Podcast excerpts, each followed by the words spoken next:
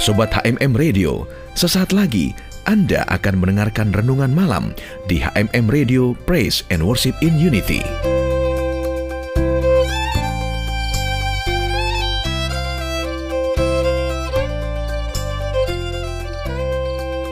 Shalom Sobat HMM Radio Tatkala manusia diizinkan hidup penuh dengan tantangan, kesulitan, bahkan doa-doanya belum terjawab atau mungkin tidak dijawab Tuhan seperti Ayub, maka kita bertanya-tanya dalam hati, apa yang sesungguhnya terjadi yang menimpa dalam kehidupan kita? Inilah kenyataan hidup yang dialami. Bagaimana bisa menerimanya? Karena itu sobatku, renungan malam malam ini kita akan memberi judul yaitu kenyataan hidup sobatku, coba kita renungkan ayat ini dalam pengkhotbah 4 ayat 1 sampai 2. Lagi aku melihat segala penindasan yang terjadi di bawah matahari. Dan lihatlah air mata orang-orang yang ditindas dan tak ada yang menghibur mereka. Karena di pihak orang-orang yang menindas ada kekuasaan. Oleh sebab itu aku menganggap orang-orang mati yang sudah lama meninggal lebih bahagia daripada orang-orang hidup yang sekarang masih hidup. Sobatku, terjemahan bahasa Indonesia masa kini ditulis demikian. Kemudian ku perhatikan lagi segala ketidakadilan yang terjadi di dunia ini. Orang-orang yang ditindas menangis dan tak ada yang mau menolong mereka. Tak seorang pun mau membantu karena para penindas itu mempunyai kuasa yang besar. Aku iri mengingat orang-orang yang sudah lama meninggal. Karena mereka lebih bahagia daripada orang-orang yang masih hidup. Nah sobatku, Salomo melihat ketidakadilan. Orang yang berkuasa menindas. Orang yang tertindas tidak ada yang menghibur mereka. Mungkin masing-masing orang fokus dengan dirinya sendiri sehingga kurang peduli dengan keadaan orang lain itu. Nah Salomo menganggap lebih berbahagia orang yang meninggal karena terlepas dari beban kehidupan.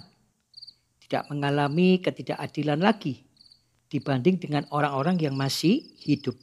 Sobatku. Tapi ada yang lebih bagus lagi. Ayat 3 bilang begini. Tetapi yang lebih bahagia daripada kedua-duanya itu, ku anggap orang yang belum ada, yang belum melihat perbuatan jahat yang terjadi di bawah matahari. Supaya jelas terjemahan bahasa Indonesia masa kininya ditulis demikian.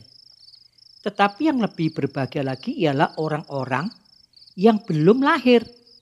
Sebab mereka belum melihat kejahatan yang dilakukan di dunia ini. Nah sobatku, yang lebih berbahagia daripada orang yang tertindas dan orang yang mati adalah orang yang belum lahir. Karena belum melihat perbuatan jahat yang terjadi di dunia. Begitu bayi itu dilahirkan dan dibesarkan, maka akan melihat ketidakadilan yang terjadi. Jadi, sikap apa yang sebaiknya kita punyai dalam kehidupan yang hanya sekali ini saja? Nah, sobatku, dari apa yang kita dengar tadi, maka perlu sikap yang bijaksana. Yakni bisa menerima keadaan dan kenyataan. Bahwa memang ada ketidakadilan terjadi semasa hidup manusia. Pada akhirnya ada waktu untuk meninggalkan dunia ini. Sebab itu kita mesti bersyukur dengan setiap musim dalam kehidupan kita. Ada musim dingin, panas, ada musim semi dan gugur, sama, hidup ini seperti roda yang sedang berputar. Ada kalanya kita bersuka dan ada kalanya sedih. Ada kalanya meneteskan air mata dan ada kalanya tertawa riang gembira. Kita bisa belajar dari kegagalan untuk memperbaiki diri. Jika ada kabar buruk ataupun kabar baik, tetap bersuka cita dan bersyukur. Karena itu yang dikendaki oleh Tuhan kita. Artinya, mensyukuri kondisi yang Tuhan berikan pada kita. Saat itu, keadaan itu. Karena segala sesuatu ada waktunya. Life with every process. Nggak pernah tahu apa yang akan terjadi hari esok. Karena itu betul sekali kita ini semakin membutuhkan Tuhan. Semakin tidak bisa hidup tanpa Tuhan. Kita ingin tetap menjadi orang yang berkenan kepada Allah. Tuhan akan membimbing dan mengarahkan hidup kita jikalau kita menyatu dengan dia. Sobatku, saya lanjutkan ayat 4 sampai 5. Tertulis demikian. Dan aku melihat, kata Salomo, bahwa segala jeripaya dan segala kecakapan dalam pekerjaan adalah iri hati seseorang terhadap yang lain. Ini pun kesia-siaan dan usaha menjaring angin. Orang yang bodoh melipat tangannya dan memakan dagingnya sendiri. Sobatku lebih jelas dalam terjemahan bahasa Indonesia masa kini. Aku tahu juga bahwa manusia bekerja begitu keras hanya karena iri hati melihat hasil usaha tetangganya. Semua itu sia-sia belaka seperti usaha mengejar angin. Konon hanya orang bodoh saja yang duduk berpangku tangan dan membiarkan dirinya mati kelaparan. Nah sobatku, aku tahu juga bahwa manusia bekerja begitu keras hanya karena iri hati melihat hasil usaha tetangganya.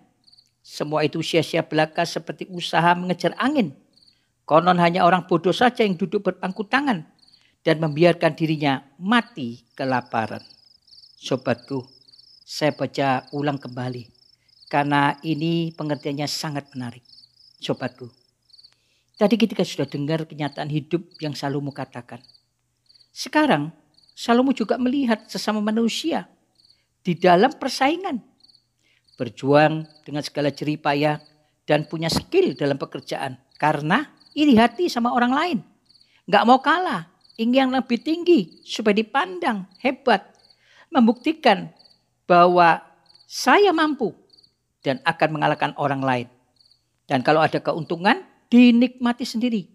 Dan orang bodoh melipat tangannya. Gak mau bantuin orang lain. Kalau makan sendirian, supaya gak diminta sama yang lainnya. Jadi sobatku kesimpulannya, Salomo menggambarkan dunia yang saat ini adalah ketidakadilan atau adanya ketidakadilan.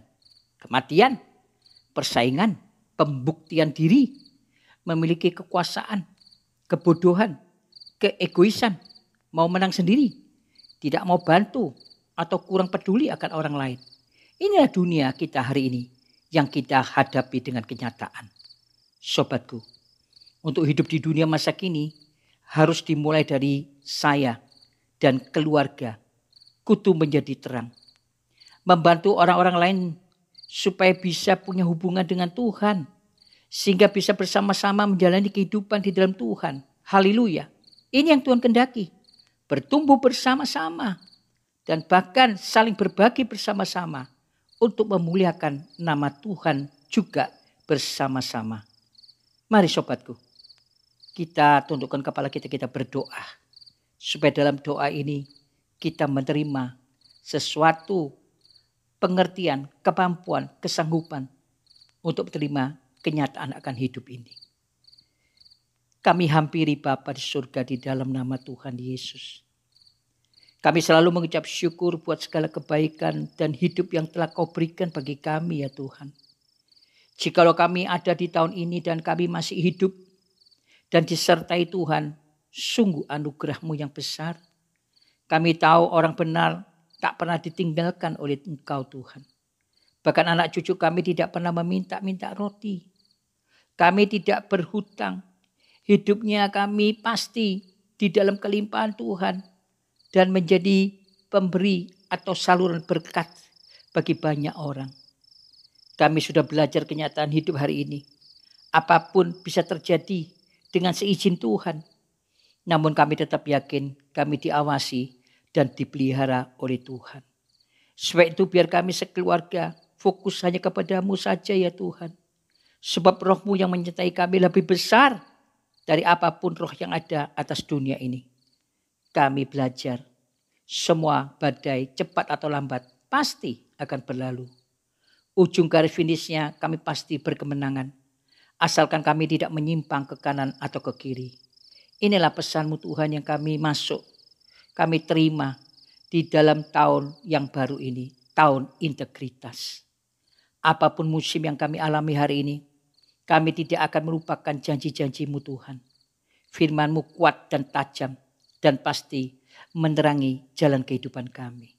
Terima kasih Tuhan, dalam nama Tuhan Yesus kami sudah berdoa dan mengucap syukur. Haleluya. Amin. Sobatku, selamat malam dan sampai jumpa. Dan Tuhan Yesus memberkati.